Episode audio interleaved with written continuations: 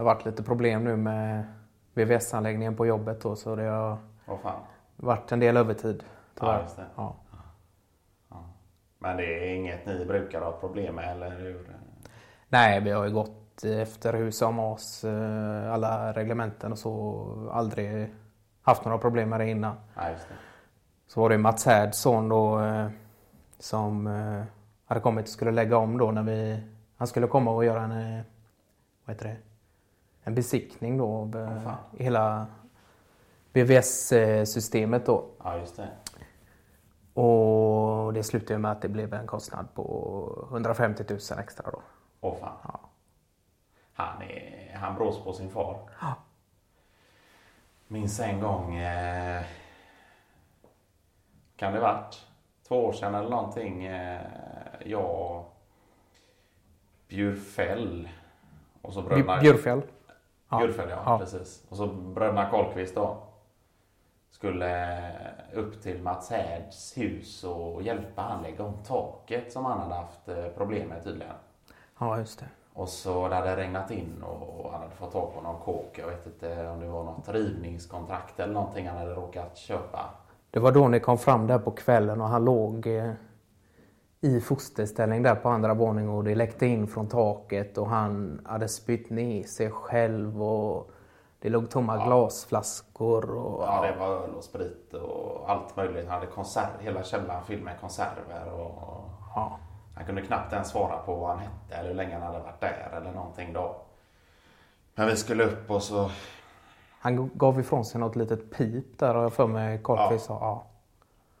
Och så, så kom vi upp och så eh, började vi bära in grejer då. Och så hittade ju eh, bröderna Karlqvist gick upp på vinden då och så hittade de honom där i fosterställning och så eh, sa de det att svar, svarar du inte nu Mats, Då, Så- då behöver du inte svara någon en gång.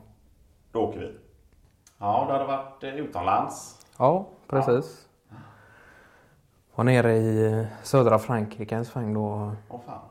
Innan, all, innan alla hemskheter eh, som har hänt där nu då i Ja. Europa. Eh, alla de här chockartade nyheterna som skälver inom en.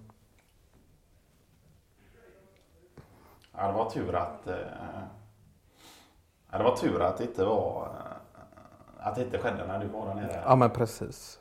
Kunna ta sig en vacation utan att det ska vara några ja, Ja, det är illdåd så att säga under den tiden och kunna koppla av på riktigt när man ändå jobbar så mycket som man gör och kunna få den stunden. Det är, Ja. Ja, det är guld ett värt. privilegium faktiskt. Det, Ja, det det, är det. måste jag säga. Det är underbart.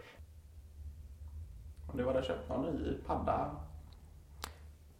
Ja, och det, vad var det för, under förra julen där eh, köpte jag en då som hela familjen kunde ha. Det. Men sen blev det ju en... Ja, Vik, lilla Viktor då satt ju med den eh, för mycket då så att det Ja, det. fick bli att vi köpte en till då. Så nu har vi väl en tre stycken i familjen Åh, då så att alla kan ha tillgång till det. Det är, Ja, det är ju mycket sitta framför skärmen och Ja. Men det, det, är så, det är så nu för tiden. ja. Jag tror inte det går att komma ifrån och Nej. jag tror inte det är något som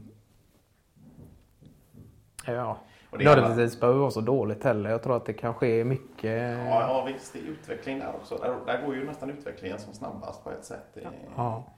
Och jag menar, mina barn, det är, det är det de vill göra helst. Och då, då får de göra det också. Sitta där vid... eh, Det är klart, har någon gräns på ett par timmar eller någonting. Men eh, tycker de att det är det som är skojigast så, så sitter jag med problem egentligen att låta dem göra det heller. Det, Sen är det klart alla, alla tre där hemma håller ju på med någon sorts idrottsverksamhet också vid sidan av. Så det är Ja, ju inte det. så att eh, paddan är det enda intresset så att säga. Nej, precis. precis. det är både in- röra in- på lite andra grejer än tummen så att säga. Ja, Ja. här är ju innebandy och det är ja, Handboll och... handboll och innebandy och ja. Men du kör fortfarande torsdagstennis eller är det... Ja, det var länge sedan. Just tennisen har jag faktiskt lagt lite på hyllan. Eh, Det har varit en del squash nu de senaste fem åren. Ah. Det har varit mycket squash. Eh, Inte varje vecka men en gång varannan i alla fall. Jag försökt få det till när man har tid. Så det, just det. en jävla relaxad sport. Även om den är så intensiv så blir man väldigt eh, mjuk i kroppen efteråt. Så en koncentration som jag kan uppskatta också som man inte får hela tiden till vardags. Så det, det. Man kan släppa mycket grejer och fokusera på det så att säga. Det... och ha någon sorts tillfällig målinriktning också som är frånkopplad den här. Företagsamma... Ja, precis. Ja.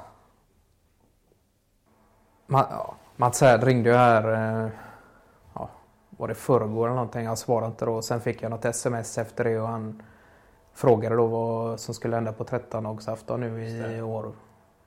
Den här vanliga traditionen vi brukar ha och ses alla gamla grabbar och eh, spi- spisa lite lutfisk och, Bara lite sauna och... ja, Just det. och någon pilsner och Ja. De jul- julpilsarna som är, kvar ja, gick man upp på 13-dagsafton. just det. Ja, En liten avec på det och just det. rakt in i saunan. Så, det... så han var, undrade ju då när, hur det såg ut i år då. Ja. Och jag hade ju precis skickat ut eh, inbjudningarna då. Fan. sånt där.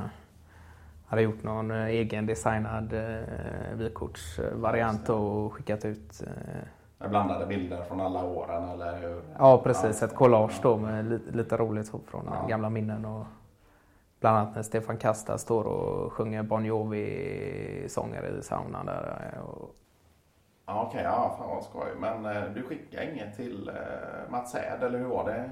Nej, jag gjorde inte det. Jag, jag tänkte på det men jag kände det, nej, det finns inte en chans att han eh, att han är med på den här 13-årsafton igen. Inte en chans. Nej. Efter allt som har hänt nu och hans Ja. problem med magen och han dricker alldeles för mycket ändå. Det jag vill inte ha någon, jag vill inte att den, han ska kunna bidra med någon dålig stämning när det Nej. ska vara en sån Nej. god sammanhållning på något sätt.